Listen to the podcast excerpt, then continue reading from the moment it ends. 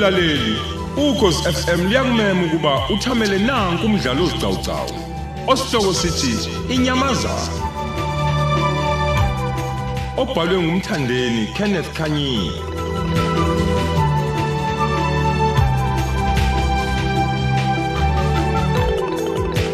Thamela isiqephu sesihlanu.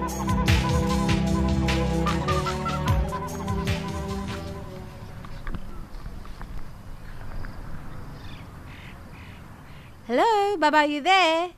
Hayibo, engabe kwenze njani? Hawu ngani manje? Hayi, ngizwa nje uhappy. Ukuthi nje ngiyezwe emizweni yami ukuthi kuzoba nezindaba ezimnandi engizozizwa. Izindaba ezimnandi. Hawu yebo mfundisi. Angithi ngikushiyela wena izolo uvakashelwe izingqungqulu zebandla. Abantu abaphathiswa imali zebandla. Uzama ukungitshela ukuthi bebengalethile indaba ezimnandi? Hawu ingabe kuyadlalwa ke baba. Hlala phansi sithandwa sami.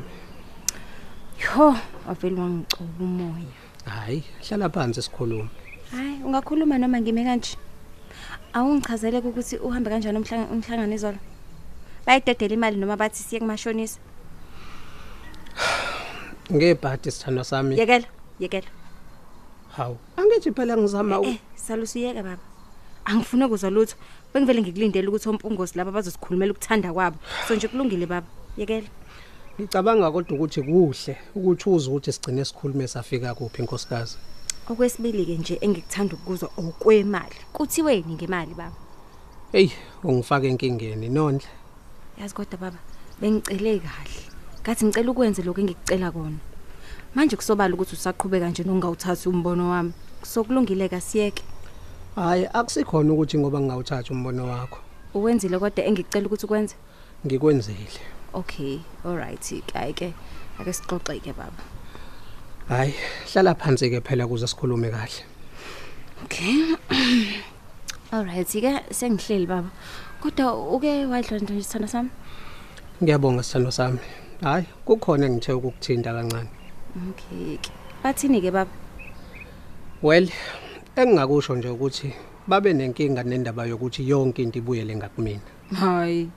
Uma kunjalo phela baba kusho ukuthi abasule komitini lezimali. Awu, angicabanga ukuthi nje futhi mina kuzoba khona inkinga lapho. Uma bephikisana nesinqumo sakho sithathayo, abashiye phansi. Nondla, akulula njengoba ucabanga nje. Themba, angeke sidlele umuzi bekhona abazalwane. Labantu bazi kahle ukuthi wena waye kumsebenzi ngoba ufuna ukuthi usebenzele inkosi kahle. Ugxile bandleni, wakudela konke sithandwa sami. Yini ke bona seke bayidela? Hm? Sisingaze sihlale ezihlahleni bekhona abazalwane? Hayi, abashiye phansi. Nonsense le. Hayi, ngiyakuzwa sithandwa sami. Akusikona ngoba mina mhlambe ngingazimisele ngokwenza lento oyishoyo. Pho manje uzobanjwe yini? Ey, uyazi na ukuthi into ebucayi lena. Ngeke ngithande nami ukuthi ngilahlekelwe izinsika zebandla. Izinsika baba. Izinsika zokwenzani uma zingakwazi kube insika kuwena? He? Uma zingakwazi ukuthi ube nokuvikeleka namahlaza akhe afihleke baba. Hayi, come on, please, please, please. Wena ukwenzile konke okumele ukwenze. Leli bandla waliqala kanzima. Zonke lezi insika zazingekho njengoba nje sekuyizona esezazi kangcono. Hayi, waqala ungenalutho. Nginamanga baba. Cha sithandwa sami. Hayi ke. So ake kube khona nje okwenzayo please because mina nje ngeke ngiyimele indaba yezinsika engenamsebenzi walutho.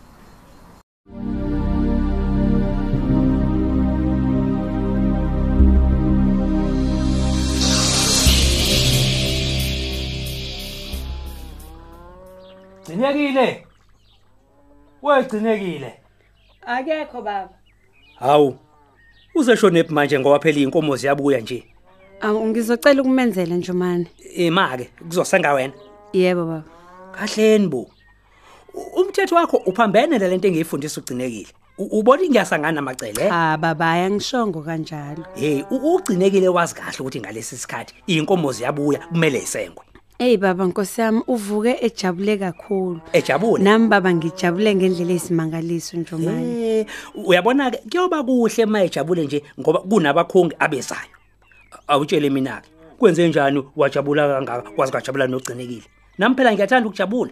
Baba ugcinekile usezofunda. Ima, u- usho ukuthini manje mawuthi usezofunda? Kanti yonke leminyaka ubenzani? Yikuphi manje lokufunda okudlula lokumacele? Baba izolo uthole umbiko ukuthi kunesikhwama. Usho njalo Isikhwama? nje. Wathi kunesikhwama sikahulumeni esizokhokhela imfundo yakhe. Njengoba eseqeda isikole nje. I- Isikhwama sikahulumeni.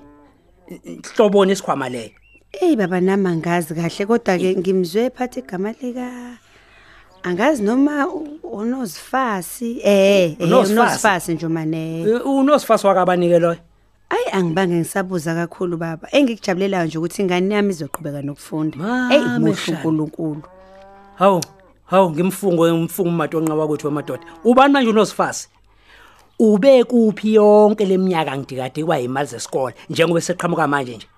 Mina ngibheka ukuthi ugcinekile osebenza manje. Nina nizongitshela ngonosifasi engingabazi ukuthi baqhamuka kuphi manje. Eh Hawu, kwangcono baba nangu naye eqhamuka akazikhulumele yena. Hayi ngeke a- ake singene endlini ke ngizwe ukuthi kwenzekani ngempela.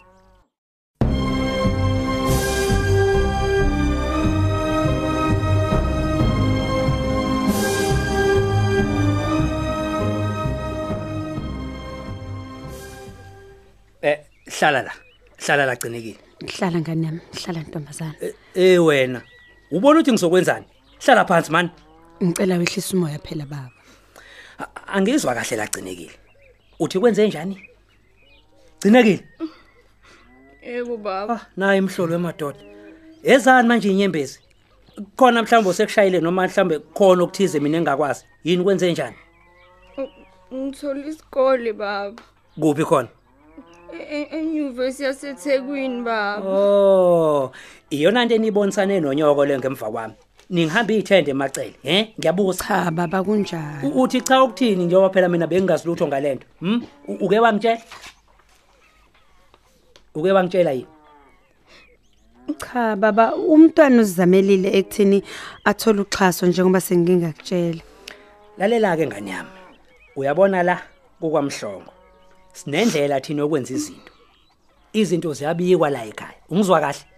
Yebo baba. A- awukwazi wena ukuthi ungaqhamuka nento enkulu kangaka ungakaze kushiswe nempepho ukuze idlo silazi ngayo libe nawe futhi. I- yini ngempela lo ngenza yona? Uyofunda eThekwini manje? Yebo baba kuyisifiso sami. nasi nje isikole esikhona la khona ondini? Kungani ufuna ukugibela uyele komathekwini? Hm yinto engeke yenzeke leyo yangizwa Ngiyacela baba. hayi wena kwakumele ucele kwasekuqaleni ngaphambi kokuba uyofuna isikole. Ayikho mina into engayenza manje. Awuyi lapho kuphelile futhi. Awu baba ngiyacela. Ah, ah, ah, ah. Baba nezinye ingane ziyafunda hey emanyuvesi. zona phela zona zona phela. Sengiqedile futhi mina ukukhuluma. Awuyi lapho. Suka futhi lapha phambi kwamgcineli suka suka suka hawu baba bengizocela Hey nje ukuthi ngithe akayi lapho. Angizwakalini hm angizwakali ngamanye amazwi ukuthi ngithini macele? Akayi lapho. Awuyi lapho gcinekile. Akungene kuhlale lokho endlebeni zakho. Awuyi lapho. Mfundisi bengicela ukuthi ukungikhulumela naye baba.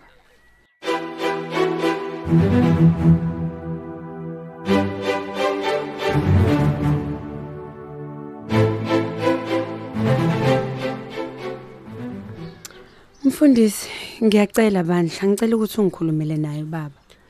Hayi angiyazi impela. Into enje inhloboni yomzali ongathanda ukuthi abone ingane yakhe iqhubekela phambili nemfundo ikakhulukazi kulesi sikhathi sanamhlanje.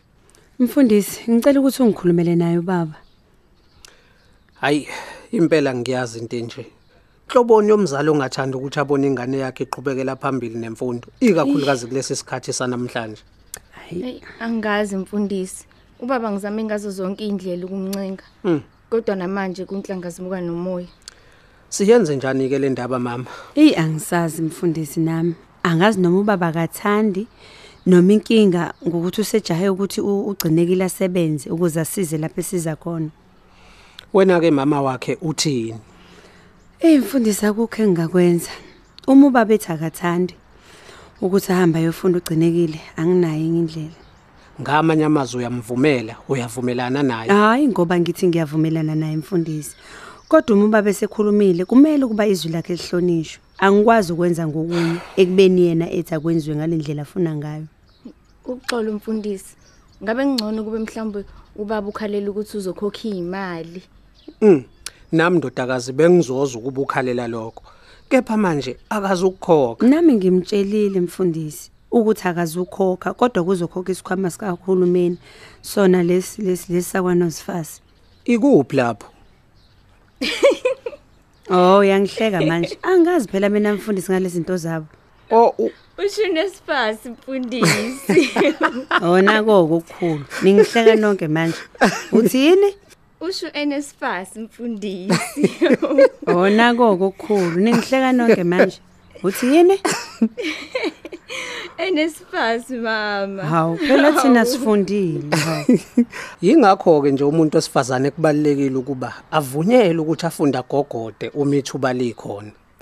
Kuzomela ngithole isikhathi sokuthi ngikhulume naye ubaba. Engizokuyala ngakho nje egcinekile mntanami ukuthi kuzomela ungalwi nobaba. Ukhulume nje naye kahle nangenhlonipho. yebo mfundisi Uyangihlekisa nawe mfundisi uma usukhuluma sengathi ngumuntu omdala. Cha phela uwumntanami kahle kahle naye mama. Cha, ayangiphiki mfundisi. Bese ngisho nje ukuthi ungaphiki ukuthi sewuyikhehla. Angithi nani nangihleka uma ngithi unozifasi. Hayi, ngingabonga kakhulu mfundisi Hayi, kulungile sisi. Ngizokhuluma nobaba. Sengathi izinto zakho ke zingahamba kahle. Ugcina uhambile ukuthi uyofunda. mfundisi ngenhlonipho nje ngizocela ukusho ukuthi ayi ngeke ngikwazi mina ukuhlala ekhaya ngeke mfundisi ezinye ingane ziyahamba ziya komatheke ezinye ziya komavasithi mina ngihlale nje ngihlalele ukusengana nenkomo awu ngeke mfundisi ngeke. Pho uzokwenza njani mntanami? angazi mama. Kodwa kusalayo ukuthi njengoba kuvulwa izikole nje ngiyahamba. Hayibo. ngeke ngikwazi nje ukuhlalela iy'nkomo. Ngeke nje futhi ke ngiyobukhesha. Hawu lutho. Cha ngeke ngeke ngikwazi.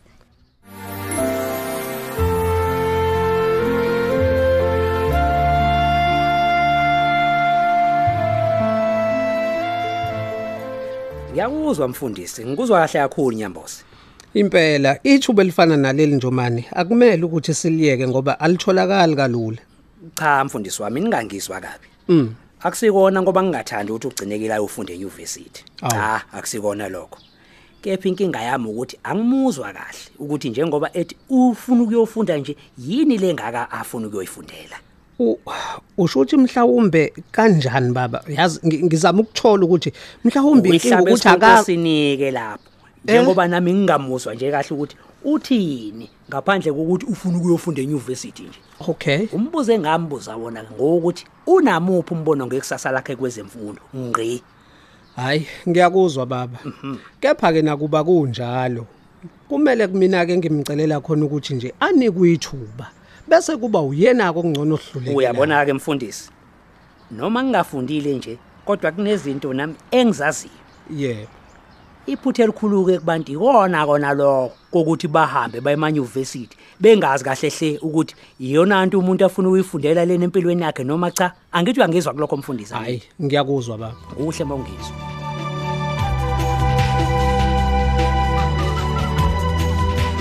Sisibeka lapho isiqebu sethu sanamuhla. Thamela esilandelayo ngokuzayo.